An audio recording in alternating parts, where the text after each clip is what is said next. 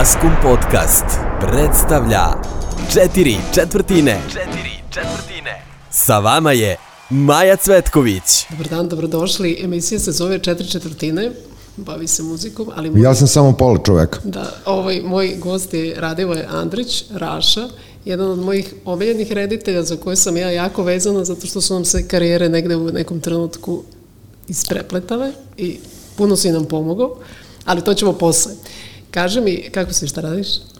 A, pa iz, iz nekog posla u drugi posao ulazim i tako već više od godinu dana, pa sam malo tupav i umoran. Dobro, znaš kako ova emisija ima neki e, tok, e, otprilike počnemo od detinstva, pa idemo ono sve nadalje što si radio. Ti si rođen u Sarajevu. Jesam. Koliko si bio tamo? Mm, ne znam, 40 dana, na primjer. Aha, samo si... Samo si sam rođen, da. Ba- Baka moja je bila načelnik vojne bolnice u Sarajevu, pa onda verovatno majka otišla tamo kao da se porodi da bude na oku svojoj majici. I posle toga su me liforovali na more, pošto je deda ko, koji je takođe, mislim tu i pored Sarajeva, poreklom, ali i Sarajeva, ovaj, sagradio kuću na moru, tako da sam onda bio na moru jedno od tri meseca, pa mislim onda posle toga u Obrenovcu, pa tek onda na kraju u Beogradu. Tako da sam ja ono, Beograđanin tek, ohoho, daleko. A čekaj, znači, znaš, školu si završio u Beogradu? Školu da. sam završio u Beogradu, mislim i, os, i najviše sam i živeo u Beogradu, Koji si toga, osnovno? o, Branko Radičević, blok 45, Mhm, Znači, ti si... ko predsednik. Vučić. Ali ja sam stariji od njega tako da ga se ne sjećam, hvala Bogu. Ti si blokova. A šta si, šta si dalje? U koju si srednju školu išao? A, posle sam išao u a, desetu gimnaziju, pa znači- petu, pa dvanestu. Uh, Ta 12. je super na Voždovcu. Bio sam, uh, tad je postojalo ono usmereno obrazovanje, ja sam bio organizator na, u, na smeru organizator kulturno-umetničkih delatnosti i aktivnosti. I imali smo predmete istorija filma, istorija pozorišta, tako da je to u stvari bilo super. Dobro, znači ti si počeo u srednjoj školi već da se zanimaš. Evo da. Dobro, i mama je malo pomogla u smislu da, da si već u tom svetu. I otac. I majka i otac su iz tog posla. Kao ja sam nešto, išao sam na neki test kod psihologa, kao tamo negde, ne sjećam se tačno, kad je trebalo da se usmeriš na društveni ili na ovaj smer, mene ono nije samo od onih koje ništa nije zanimalo, mene sve zanimalo i to je bio problem, meni je bila super i matematika i fizika i kao književnost, sve mi je bilo super i onda mi je na tom testu ispalo da je najbolje da postanem kuvar, a na mestu dva je bilo šumar. I najsmešnije što kao nisam postao ni jedno ni drugo, međutim u poslednje vreme u stvari malo žalim što nisam postao šumar. Šumara. pa šteta, be, onda ne bi imali sve ove divne filmove koje Da, si dobro, pravio. ali bi imali neke šume dobre. Pa to je. I kad kreće u stvari da te zanima e, film na način da, da stvarno krećeš nešto da radiš? Šta, šta si prvo radio da je kao neki ozbiljniji poduhvat? Možda bude i studentski. Pa, mislim, film me zanima naravno ko svu decu, što je zanimao sad, kao tad nije bilo igrice i to, nego fliperi i stoni futbol, eventualno fliperi. I ovaj film je bio glavna zabava, kao pored stripova. Tako da sam ja bio redovan ono, na svakom Bruce Lee-u, Bud Spenceru, Terence Hillu i svim tim ono, B i C produkcijama, špageti, westernima. 20. oktobar mi je bio omiljeni bioskop.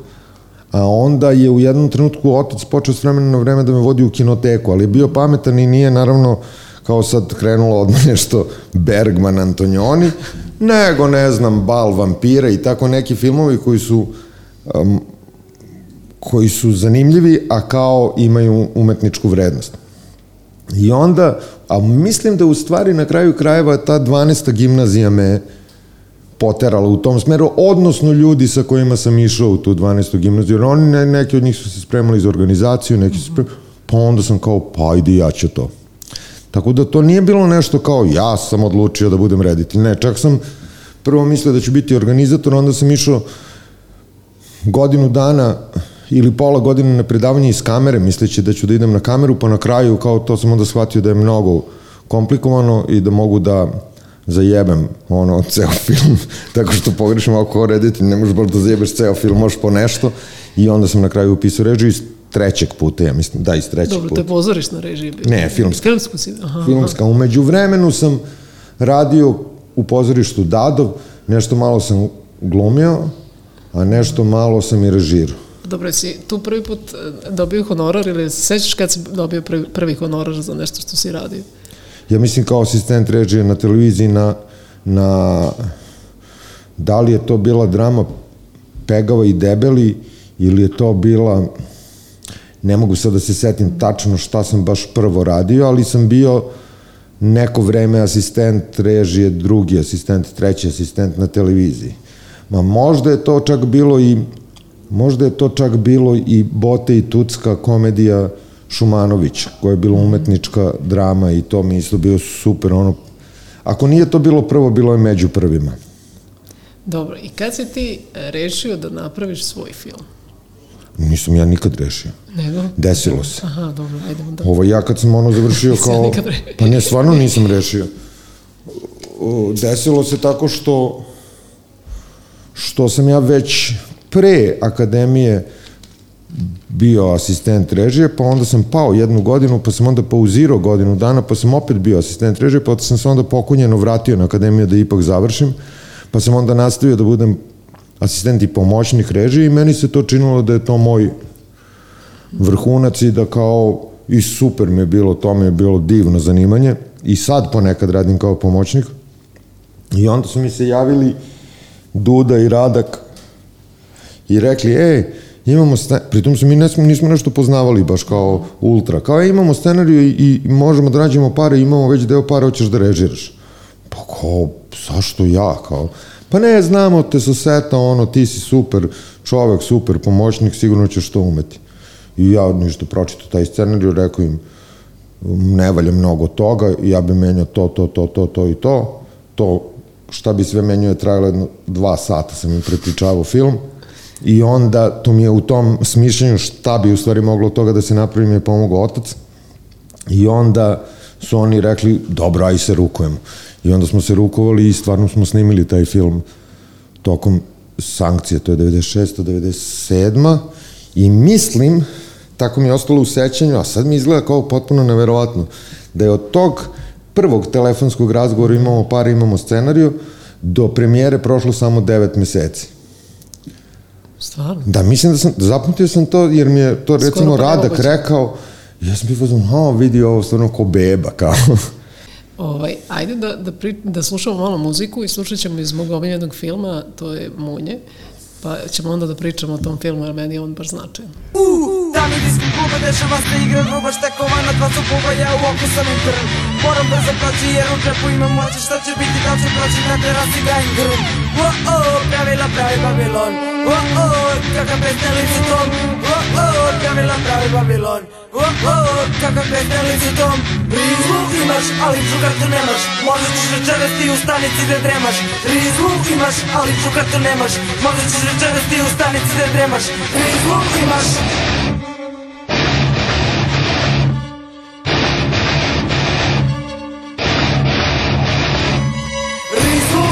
ali čukartu nemaš Možda ćeš večeras ti u stanici da dremaš Rizlu imaš, ali čukartu nemaš. Možda ćeš večeras ti u stanici da dremaš. Rizlu imaš, ali čukartu nemaš. Možda ćeš večeras ti u stanici da dremaš. Rizlu imaš, ali čukartu nemaš. Možda ćeš večeras ti u stanici da dremaš.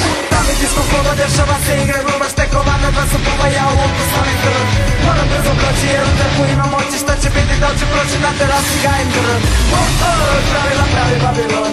Oh oh, kako te stelicu tom Oh oh, pravila pravi Babilon Oh oh, kakav te stelicu tom Rizlu imaš, ali čukartu nemaš Možda ćeš večeras ti u stanici da dremaš Rizlu imaš, ali čukartu nemaš Možda ćeš večeras ti u stanici da dremaš Rizlu imaš, ali čukartu nemaš Možda ćeš večeras ti u stanici da dremaš Rizlu imaš, ali čukartu nemaš Možda ćeš večeras ti u stanici da dremaš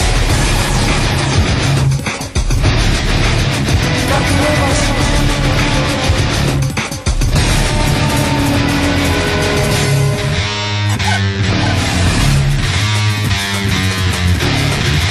Oh.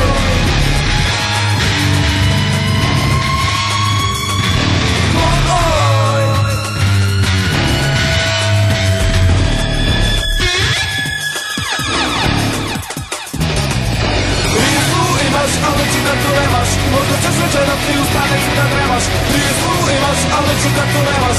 Možda ćeš večeras ti u stanici da dremaš Rizlu imaš, ali čukartu nemaš. Možda ćeš večeras ti u stanici da dremaš Rizlu imaš, ali čukartu nemaš. Možda ćeš večeras ti u stanici da dremaš što si video, video, čuo što si čuo. Zaboravi svaku lepu priču, navikni na sranje. Ti da se kupaš, lepi može malo sutra. Bićeš u bedaku, nema lopci, nema vutra. Sve što je bilo lepo, sada bit će ružno.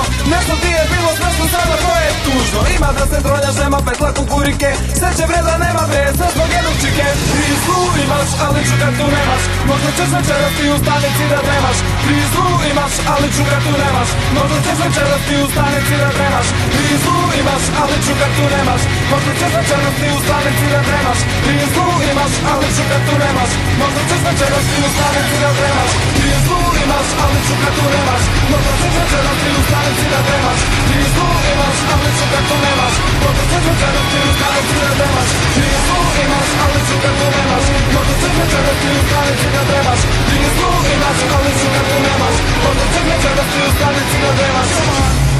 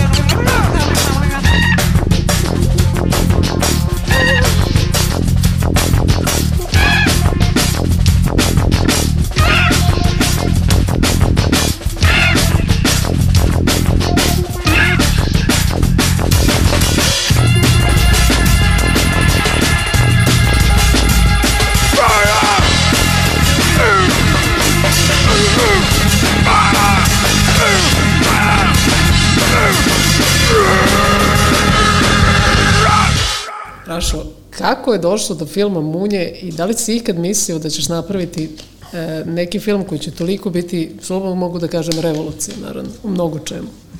Pa ne, naravno da ne, kao i ne bi se toga, ne bi se to ni desilo da nije bilo Srđa Anđelića, znači to mora da se računa kao zajednička stvar, uh, svakako. Ovaj, to je u stvari bila neka novogodišnja emisija, sastavljena iz skečeva, između je trebalo da budu spotovi. I to je propala novogodišnja emisija.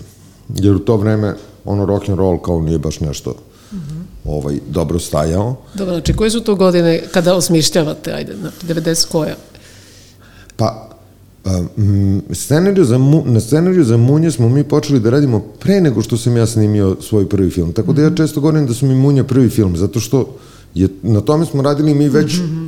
Ohoho, mislim, Mi smo tad bili mladi, izlazili smo to, kad kažem radili, to znači radimo 3-4 dana, pa onda jedno mesec dana idemo po diskotekama, pa onda, odnosno na klubovima, pa onda kao opet radimo 3-4 dana. I mi smo na tome radili 6 godina. Dobro. Ne sad stvarno kao svakog dana 6 godina, nego na taj način. I to mislim da je učinilo uh, taj scenario za film dobrim, zato što je prošlo mnogo ruku, i zato što smo to sve što nam se umeđu vremenu dešavalo, kao, e, sećaš se onog događaja i to da ubacimo aj ovo, ajde ovo, tako da je taj film napunjen tim biografskim i autobiografskim događajem, biografskim jer nismo samo nas dvojice, nego nam neko prepričava nešto i onda smo mi kitili kao o, taj film. I ne, nisam očekivao, to je, to je, onda je kao Anđelić rekao, hm, aj mi da sami nađemo pare za ovaj film, kao, ja kažem, ja ajde, kao ja nemam pojma kako se to radi. I kao, onda nam je Veran Matić tu nešto pomogao, dao nam svoje ljude iz 92. kad kao ništa drugo ne rade da mogu nama da traže pare. I to je trajalo, ne znam, godinu dana i mi smo skupili 6000 evra. Za film treba jedno 600. Tako kao, aha, da, kao ovo je glupo.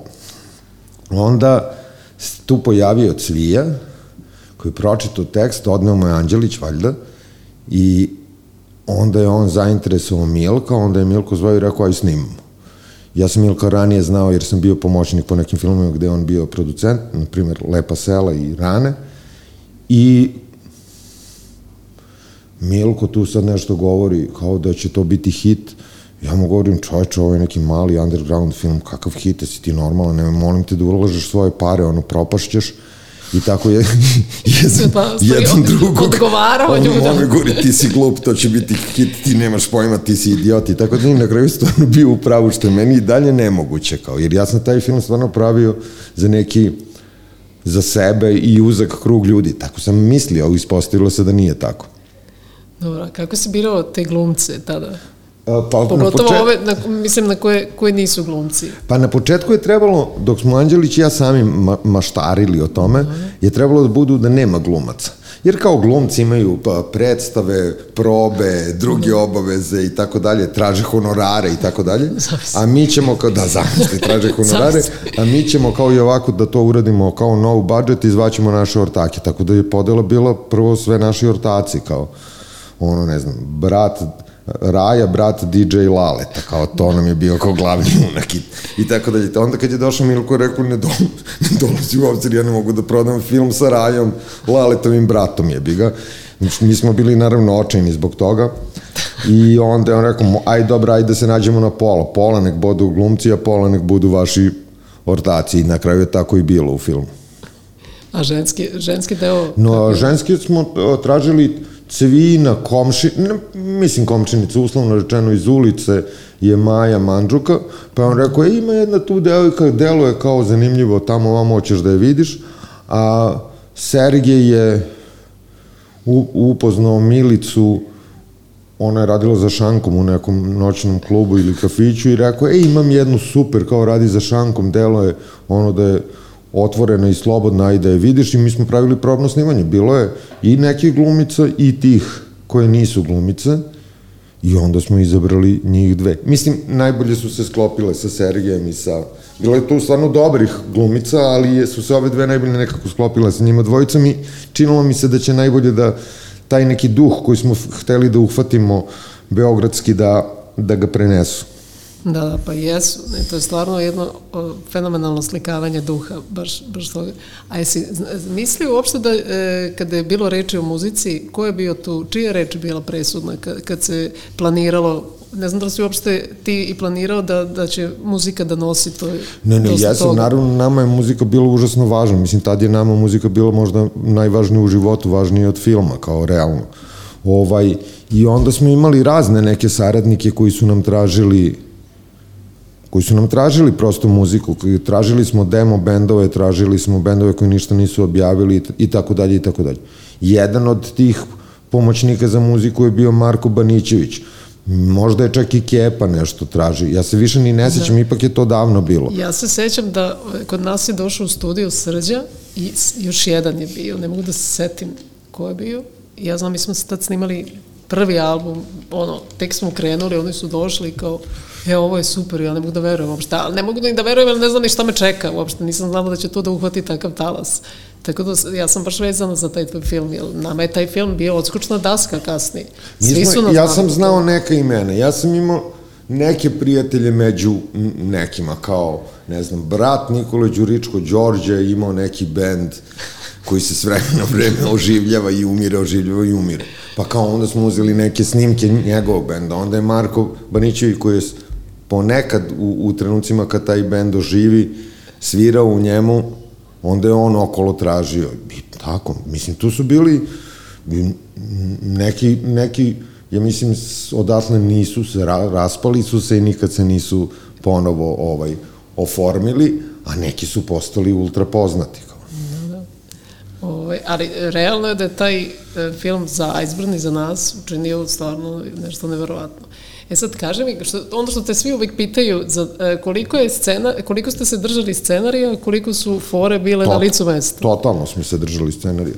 Sad skoro smo, jer kažem, taj scenarij u stvari je bio pun toga što je srđan ja i razni ljudi oko nas su doživljavali, tako da su to sve su, mislim, sve smo pokrali te fore, mislim, re, nismo pokrali jer, jer jer su iz života, ali da, kao... Sve su istinite. Sve su istinite, da, i tako da nije, nije u stvari bilo neke velike potrebe za improvizacijom, kao stvarno nije bilo. Po nešto sitno. Mi, u Sergiji ja smo se sad skoro, on u stvari se prisećao ovaj, šta je sve pošto i njega to isto pitaju, kao šta je sve u tom uh, filmu uh, improvizaciji i setili smo se, on se setio dve, ja sam se setio samo jedne. On je rekao, posle toga, i to je tačno, od Glogovac je izmislio ono Dolce i Gabbana mm -hmm. i njega ćemo da hapsimo, što se meni na snimanju nije dopalo, baš zato što nije bilo iz scenarija, da, ali kao Pa dobro, nije loša fora i Glogovac je drag čovjek i vole, volim, voleo sam ga, nažalost, i volim ga, ovaj, i onda, kao aj može, Drugo je bilo da Sergij kad vidi na televiziji neku futbolsku utakmicu Juventusa, kaže s kim igra Partizan, to je on tako rekao, ja, ja se toga ni ne sećam.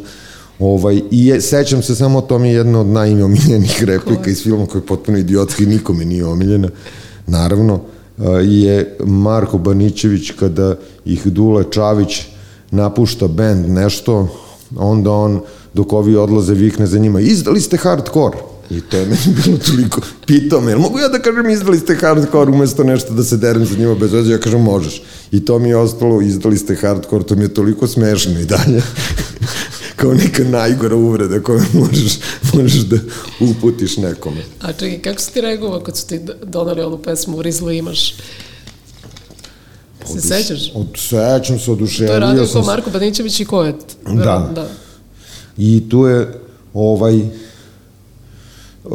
neki delovi te pesme reči ovaj ono što se kao malo kao repuje mm -hmm. je u stvari Đorđe Đurička su reči. Tako da je to neka kombinacija tako raznih nekih stvari i dobro, ja sam ipak učestvovao u rađanju te pesme u smislu da nisam sad ja, nisam ja sad sedeo u nekoj kancelariji u kožnoj fotelji i čekao da mi ljudi donose, nego sam išao tamo po studijima drndo i govorio, a pa čekaj, jel može violončelo? Pa ne, ovo nam se ne slaže. Bilo je nešto, bilo su neke kombinacije da ta junakinja svira neki instrument koji nije uopšte ono iz rock muzike, kao, pa ne sećam se, nešto je bilo prvo, pa je onda došlo violončelo, ili to nešto prvo, što, čega se ne sećam instrument, je valjda Kojat rekao, ovo nikako ne možemo da uklopimo, pa onda kao, jel može ovo, jel može ovo, jel može, jel može violončelo, može, ajde. Onda je ta nesretna Milica učila da svira violončelo i tako. Pa dobro, a i dobro je otpevala na kraju. Dobro je otpevala, da. S obzirom da se ne bavi ni time. Dobro je otpevala. Da. E sad kaži mi ono što, što ja znam da ti te tvoje premijere ne voliš baš da gledaš u sali. Gde si gledao ovaj, e, Munje? Si gledao na premijeri ili... Ne sviš se? Mnogo je davno bilo da... Pa ne, ja ne volim da gledam ovaj filmove svoje zato što vidim greške. I to me onda užasno nervira kako sam glup, kako se ovo nisam se setio, kako sam ovo mogao da dopustim i tako dalje. I onda izađem užasno nervozan i onda sam prestao da gledam draže mi je da gledam tuđe greške nego svoje. Ako se ljutim na nekog drugog, nije toliko mi, ne boli me toliko. Tako da u stvari se ja mnogo filma baš mnogo i ne sjećam i onda kad me tako zovu, sad skoro sam bio u Kragujevcu, pre recimo, ne znam, dve godine, ima neki filmski festival tamo, i bila projekcija i posle bila pitanja iz publike, ja nisam znao da odgovorim ni na jedno, ali bukvalno, jer se ničeg ne sećam. I oni su verovatno mislili da sam ja idiot ili pijan ili drogiran, pošto ni, ničega se ne sećam. Oni me nešto pitaju, ja nemam pojma kao o čemu pričaju, jer ja taj film nisam gledao manje više od tog vremena. Nekad ono, pošto na televiziji Da, dobro, da kažemo, relativno... film je izašao 2001. je li tako? Film izašao, mislim, da, 2001. Da, da. 2001. Kad je pao Milošević? E, pa to je tačno 5. oktobar, ja se sećam. E da, onda je, da. O, to je bilo 2000, onda da. je ovo bilo na proleće. Da, tako ja sećam da smo mi bili u studiju za vreme 5. oktobra, znači dok smo snimili to, dok je posle to 2001. Da, da, ja se sećam da za vreme snimanja su bile one neke poslednje poslednje demonstracije pre 5. oktobra a mislim između bombardovanja i 5. oktobra su bile neke demonstracije. Sjećam se da smo rekli, e super, kao, aj sad malo, ono, jednako ova scena nije teška, aj malo idemo tamo da se mlatimo s policijom da se deremo po ulici, pa se nađemo ovde za dva sata. I tako i bilo, kao, otišli svi malo tamo, a, ua, ne znam šta, i onda se vratili kao snimaj, snimaj, snimaj. Da, i sad, e, kako je kad se sretne ta ekipa iz Munja nekad? Je vam to ono, kako vi gledate danas na taj film? Uh, pa znaš šta, mnogo, ne, nedostaje nam prvo kao dva užasno važna čovjeka, to su Glogovac i Marko Glušac koji je montirao taj film. I onda, onda se ne srećemo baš, ne srećemo se baš tako kao, da, ajde da, da se okupimo mi iz Munja. Nego, nego neki parčići te ekipe se s vremena na vreme sretnu, više slučajno nego namerno sa svima. Naravno, održavam kontakt, ali nešto je, Nemam pojma, kao glupo se osjećaš, kao što, što dva čoveka koji su užasno bili važni i za taj film i u mom životu, nema ih više. Da, da. Ništa, ajde da slušamo još malo muzike iz filma Munje, pa pričamo o nečem malo uh, skorašnije.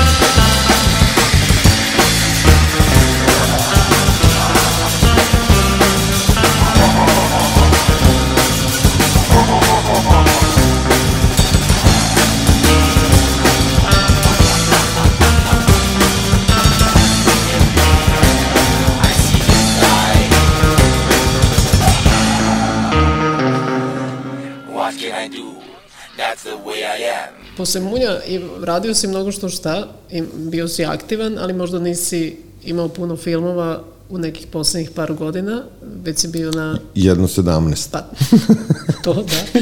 ovaj, ali ne znači da si bio lenj, nego baš naprotiv, radio si na nekim drugim stvarima, na serijama. Ovaj, e, šta ti je zanimljivo iz tog perioda do, do ovog filma kada si krenuo da radiš leto?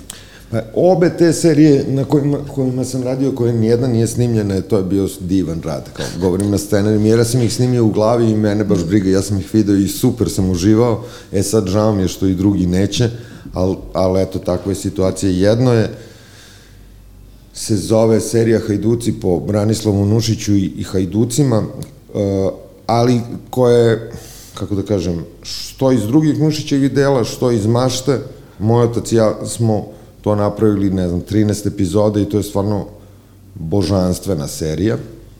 Epoha, nenormalno skupa, normalno, zato što je epoha i nikad nismo uspeli da nađemo pare za to.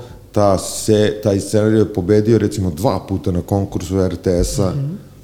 ali uh, komisije koja određuje kvalitet scenarija i komisije koje dodeljuje pare nisu iste komisije. Znači, ovi kažu ovo je najbolje, a ovi kažu ali ovima ćemo dati pare. Aha. Tako da to je tako nekako suludo. A druga serija je jebo sad hiljadu dinara po Bori Dežuloviću, splitskom novinaru i piscu, koji isto smo uživali nenormalno radeći na tome, isto kao tako 6, 7, 8 ruku, to, obe, na obe te serije se radilo po 4 godine, ali to nije ovo kao sa Anđelićem, 4, 6 godina Svaki. kao svako malo, nego ovo bilo stvarno ozbiljan rad, s vremena na vreme, naravno moraš da se odmoriš, radiš nešto drugo, moraš da zaradiš pare za život, kao znači to je bilo pauza, naravno po 3, 4, 5 meseci kad se radi nešto drugo da se uzme novac, ali smo prilježno radili na tome i to je propalo tako što je u jednom trenutku HRT, mi smo se mučili, tražili mm. ko producente, tamo, vamo, to je isto nenormalno skupo. Ovaj, na kraju je HRT rekao mi hoćemo ovo da uzmemo i hoćemo da vam damo 100% novca, pošto je ovo genijalna stvar i nikad ništa bolje nismo imali u rukama. I stvarno smo išli tamo na HRT, što je izgledalo nemoguće, ono državni neprijatelj Hrvatske broj 1, Boro Dežulović na HRT-u, kao treba da se radi serija po njegovom tekstu, odnosno na osnovu motiva njegovog romana i stvarno je tamo bilo jedno 12 ljudi nekih vrhuška, ono, glavni urednik prvog programa, drugog programa, trećeg, glavni urednik ovoga, glavni urednik onoga, direktor, gen, samo što nije bio generalni direktor i stvarno tamo sve se mi dogovorimo.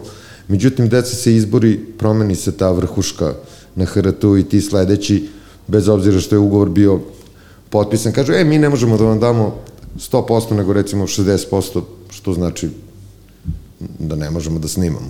I tako i to propad. Na to sam, ne mogu da kažem izgubio, pošto je to bila mentalna vežba fenomenalna i uživanje je bilo rad na tome. Ovaj, osam godina je otišlo tako u vetar, kao sa te dve serije. Tako da nije baš da sam ono 15, 16, 17 godina koliko je prošlo od Kengura do sad kao sve četiri u vis pa me boli uvo, nije. Da, a kad pomisliš na Kengura, šta ti, bilo, šta ti najdrže iz tog, ajde kažem, perioda? Najdrže mi je kako, su, kako je uopšte došlo do toga. Mića je rekao, me zvao, nismo se čak mi nešto posebno dobro poznavali, nego me je zvao i rekao, e, kao napisao sam jedan scenariju za film, kao, on je uglavnom radio za pozorište stvari, i rekao, kao i pročitaj da vidiš da li ovo ima smisla. Ja, ja mu rekao, ja u panici sam, nemam vremena, ja se nećeš ljutiti ako pročitam tek za 3-4 meseca. On kaže, ma jo, bre, kad stigneš, nema veze, tek da onako da znam. I meni se nešto, odloži se neki posao, ja ga pročitam da li tog istog dana ili sutradan. Oduševim se, zovnem Milka, koji je producirao Munja i kažem, e, imam, no, imam tekst. Pošaljemo, on pročita iste, iste večeri i ujutro mi kaže, radimo film. Ja u sutra ujutro javim Mići, Mićo, imamo producenta, radimo film. Čovjek se što nije pao u nesvest, ja mu rekao za 3-4 meseca su pročitati, a desilo se da mu sutra ili prek sutra, ne sećam se tačno, javim kao da radimo. To mi je, to mi je ostao najumiljeni deo jer je sve tako bilo šokantno i brzinski. Pritom smo mi drndali se posle Munja, tražili tekst, imali smo neki zla, Zlaje Fazlagića tekst P plus 1, odnosno ljubavno pismo koje je rađeno u ateljeju 212, pa smo na tome nešto radili, pa na još nečemu, pa sve se nešto otimalo, ne produkciono, nego kao scenario i onda je ovo uletelo tako. Da, da. I onda do, dolazimo do današnjice, E, onda jedan film koji je možda, e, kako bi to rekla, posvećen deci, možda njima više se malo obraćate, ali je i za odrasle. Kako si rešio da takav film kreneš nešto potpuno sad drugačije? Ma i to je bilo, eto ko prvi film, producenti me zovu, samo što ovog puta nisu Duda i Radak, nego Milan i Maja, i kažu, e, imamo scenario i oni nisu rekli imamo pare, nego Aha. mislimo da imamo način da nađemo pare, hoćeš da režiraš. Ja kažem, daj da pročitam, pročitam i isto imam tako sad 104 primetbe neke i kažem, mnogo je ovo, ovaj, nije to baš iz mog kao nekako... Domenu. Nije, da, kao, da, ja ću da vam pomažem, ovaj, ja ću da vam pomažem, za, mislim, ono, nema veze za džabe, nije ni bitno, dogovorit ćemo se, kao, pa ćemo videti, kao, ajde da počnemo, pa polako, nemoj da sad donosimo nikakve odluke. I tako malo po malo, malo po malo, taj tekst u radu sa scenaristom Ljubicom uh, uhvatio me u nekom momentu. Nije odma. Prošlo je neko vreme i onda me uhvatio i onda sam i tu počeo da unosim, pošto ko što rekao u onom uvodnom izlaganju da sam na moru bio sa 40 dana života i posle sam imao sreće da sve godine do rata budem na tom moru po par meseci godišnje, jer kao kuća pa isti džavo mm -hmm. gde si, a letnji raspust, a skupljaš pare od rođendana nove godine, pa imaš neki čeparac. I ovaj, i onda sam uneo deo toga što sam tamo doživeo i u ovaj film tih raznih nekih mhm. događajčića i tako ga pokušao da ga malo oživim. I pritom je taj roman Jasminke Petrović vrlo dobar i scenarij je bio prilično dobar. Kad kažem prilično dobar, to znači da je imao 104 problema, ali je, ali je kad ima 104 problema, super, problem je kad ima jedan problem, a to je da ne valja, kao, da. tako da je ovo što, ovo je sve rešivo, kao, na teži ili lakši način. I tako me je to uhvatilo, onda kada je krenulo već da biramo devojčice, onda me je tek uhvatilo, onda kad sam upoznao tih nekoliko koje su ostale u, u užem krugu, pa se s njima družili, radili neke kurseve, glume, tamo, vamo, igr, to se uglavnom radi kroz igru, onda su, sam, sam se vezao za njih i onda je već sve otišlo dođevalo u smislu toga da sam već bio skuvan. Dobro, a kaži mi, kako si izabrao uh, Klaru kao glavnu? Teško. Kako to teško? Mislim, e, evo ja moram da, o, da kažem da je Klara, kako ja nju znam, e, da, uči, da se ira bubnjave kod truta. Znam. Tako da je to, uh, opet smo nekako povezani i to mi je baš bilo simpatično kad sam saznala pa, da znaš šta, bilo je, mislim, to je stvarno mora da se ozbiljno radi, kao i produce, producenti su ovaj, bili kao, kapirali su taj proces, jeli. Jasno mi je bilo da to nije kao sad se osvrnemo na ulici i nađemo, nego kao mora da se traži. I onda je to prošlo kroz mnogo faza, kao prvo je Jelena Gavrilović, reditelj, reditelj ka, reditelj, ovaj, tražila, pa je našla, ne znam, 50 pa smo gledali te snimke, ili 100, nisam sad siguran, pa smo naš, gledali te snimke, pa smo probrali nešto, pa onda sa njima ona nešto malo radila, pa pa smo onda od njih probrali, pa smo onda doveli Milu Manojlović glumicu da s njima radi jedno dve, tri nedelje sa tih recimo 20, pa smo onda opet probrali, pa je ostalo, ne znam, 12, pa smo onda sa tih 12 je radio Nikola Todorović glumac Packe, pa je onda smo od njih probrali, ne znam, šest, pa tri, pa dve i sa te dve smo ono, ih vukli probali smo onda, onda smo krenuli da probamo glumica, onda smo probali jedno 20 glumica ovaj, sa obe ove devojčice. Pa da vidimo ko je, ko je, kako leži. Devojčice su za taj period iskalile. Ne, devojčice da. su pokidale za to, za to vreme i onda je naravno što duže smo vremena provedili s njima, teže nam je bilo da se odlučimo, kao i iako smo im stalno govorili there can be only one, kao da, da. da ih na, naviknemo na to da moraju da budu spremne da će možda biti Da, a dobro, ova druga ima isto malu neku ulogu. Ima isto malu ulogu. Niste skroz Ne, nismo, da. pa naravno, kao i sve, čak i ove ostale koje su bile u tom nekom užem krugu, ovaj, i njih smo, ko, ko, ko, koliko smo mogli gurnuli na tu neku scenu na bazenu, kao. Da, a dobro, je bio to stres, mislim? Kome? Pa Devojčicama? Da, da. No, sigurno. Sigurno. Mislim, nema šta, kao, sigurno je bio stres ali smo se mi trudili stvarno da im olakšamo taj stres. do momenta kad smo izabrali Klaru. Ja onda smo krenuli nju da deljemo, kao i onda je tek bio stres, kao, ali bolje da ti bude stres u pripremama nego na snimanju, ali zato je na snimanju pokidal, ali stvarno je pokidal i bila heroj ne samo kao u ulozi svoj, nego je bila heroj snimanja toga. Jer je imala glavna uloga, imamo 33 dana, ona je od toga imala 32 i po dana snimanja. Znači svakog dana, osim tog jednog, je imala 12 sati snimanja, nekad noću, nekad danju, ne, nekad na žešćoj vrućini, nekad vrlo hladno noći, a ona glumi da je leto.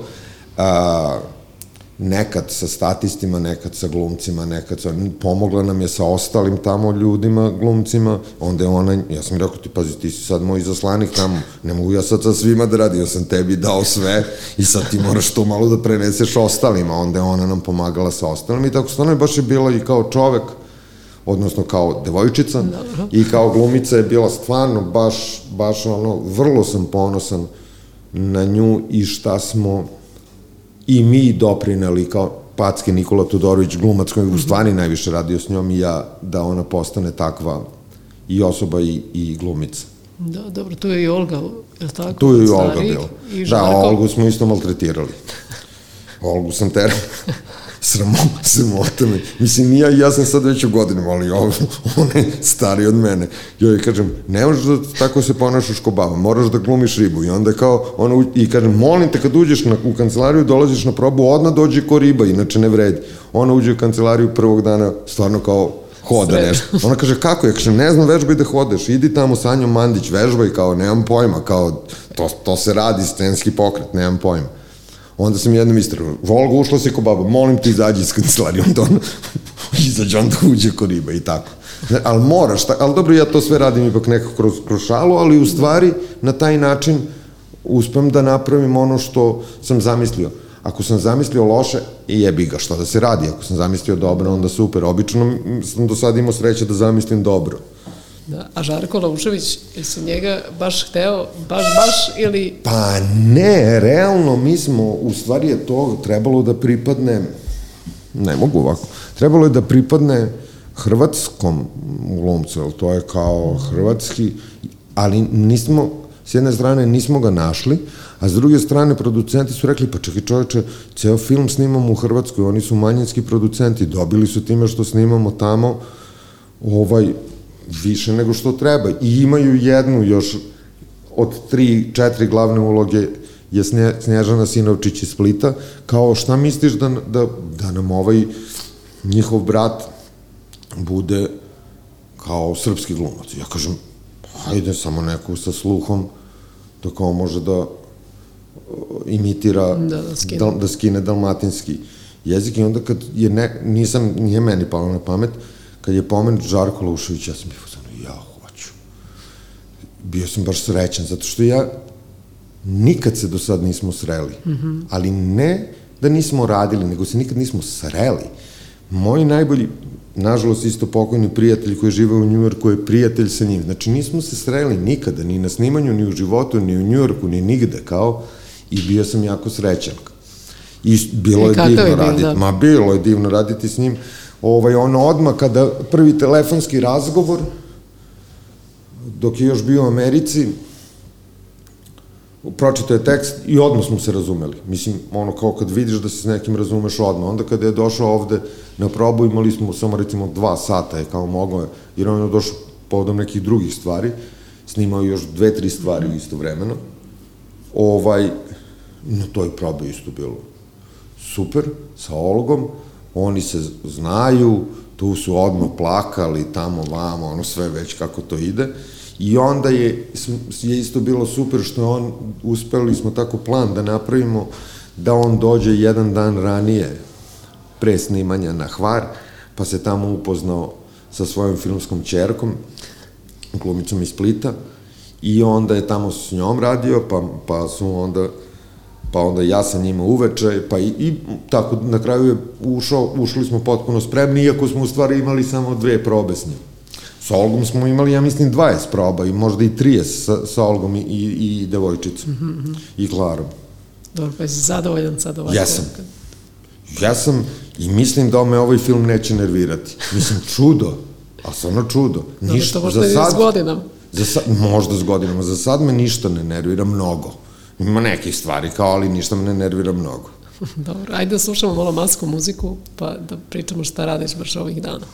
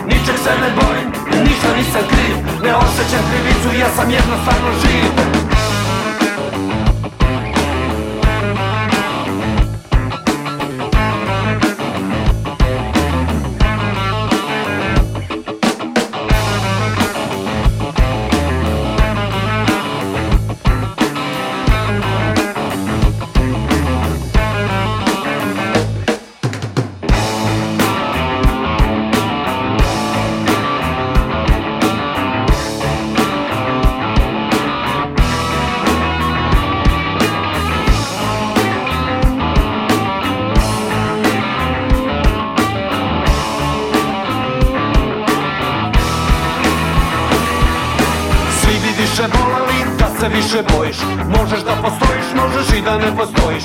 Jedino što žele da ti čitaju sa lica Je beskonačno kajanje i priznata krivica. Ničeg se ne bojim, ništa nisam kriv Ne osjećam krivicu, ja sam jednostavno živ. Ničeg se ne bojim, ništa nisam kriv Ne osjećam krivicu, ja sam jednostavno živ. Ničeg se ne bojim, ništa nisam kriv Ne osjećam krivicu, ja sam jednostavno živ. Ničeg se ne bojim, ništa nisam kriv Ne osjećam krivicu, ja sam jednostavno živ Ničeg se ne bojim, ništa nisam kriv. Ne osjećam krivicu, ja sam jednostavno živ.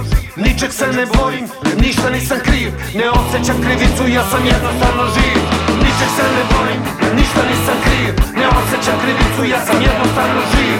Ničeg se ne bojim, ništa nisam kriv. Ne osjećam krivicu, ja sam jednostavno živ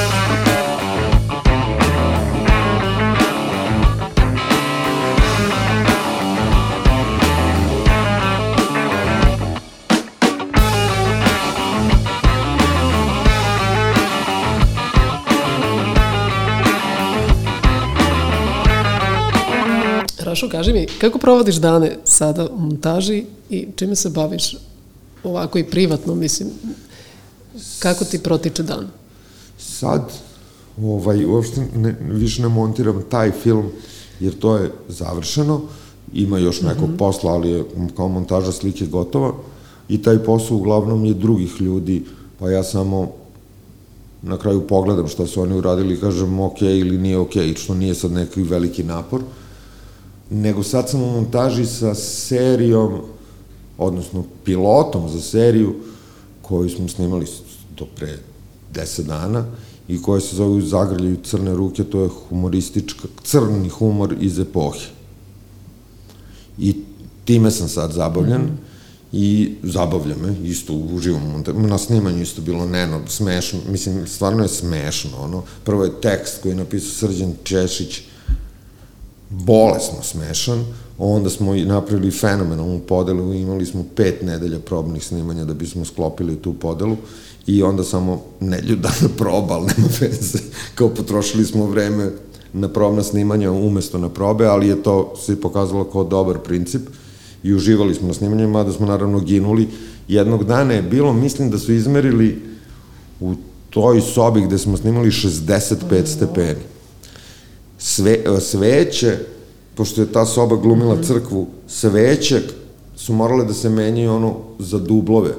Sveće ne gore, Se tope, nego samo da. stave se i ono stavimo novo strašno. Pritom nije, nismo mogli da nađemo nekog statistu sa zadatkom, pa sam ja igrao protu Matejom Nenadovića pod bradom veštačkom i u mantiji sa Sergejem kome curi znoj sa nosa, ne kaplje, nego stvarno curi, ovako mu curi, a govori mi nešto pope, na ovo p, pa na praskavce sav taj znoj mi prska u lice. I posle mi kaže seri, kako si ovo dobro odigrao, pojao si me u kadru bez jedne replike. Ja ništa nisam odigrao, samo sam bio užasnat vrućinom, znojem koji me prska i tako dalje i tako dalje. Eto, tako da se time sad zabavljam, a inače, nemam pojma, volim ovaj, ono, što bi se reklo, živim za skijanje A, živiš za skijanje? živim za skijanje. To mi je, to mi je, ovaj, i sad kao, pošto već imam 54 godine, a skijem uglavnom volim onaj ekstremni način skijanja u smislu van staza. Ove godine sam bio, kako je bila korona, na Popovoj šapki koja je radila, gde ono tra traktor negde odveze sa vodičem i onda vodič te vodi, mislim, grupu celu, ne samo mene, 5, 6, 7, 8 ljudi i cepa i kroz, kroz dubok sneg i kroz šume i kroz urvine i tako dalje. To mi je. I tako da mi je uglavnom podređeno sve tome, kao ja već u avgustu počnem da planiram gde ćemo na skijanje, Znači, onda negde radiš, u oktobru krećem da treniram za skijanje, pošto nemam više tu kao snagu kao da sam mlad, nego moram da se ozbiljno spremim i onda tamo negde mart skijanje i tako, onda leto, more i to je to. Mislim, ja stvarno volim filmove i volim da radim na tome, ali mnogo više volim da idem na skijanje i na more. Mislim, realno je tako. Tako da, eto, to mi je, to mi je život, kao. Dobro, pa lep ti je život. Pa ti lep mi je život, da, ja sam vrlo da. srećan. Imaš lepu biografiju, divne filmove iza sebe, verovatno i divna skijanja.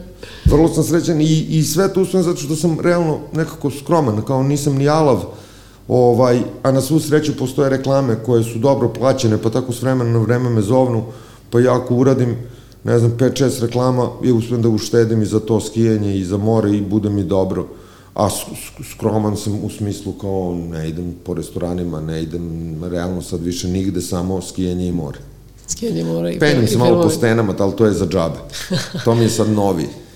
DVS, Deep Water Solo. To znači Aha. penješ se po stenama iznad mora, pa ako Padneš da... Da, i nemaš nikakve konopce, nego mm. da imaš kupaće gaće, majicu i neke specijalne patike koje mogu da se kupe, ono neke, ne baš za to, ali slične, mislim slične, slične su namene, vrlo jeftino i to je u stvari sport siromašnih, trebaju ti patike i da nađeš stenu po kojoj ćeš da se pentraš.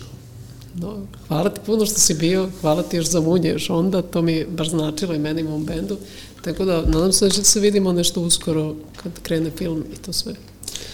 Važi. Ćao! Ćao, Dragan. Četiri četvrtine. Četiri četvrtine.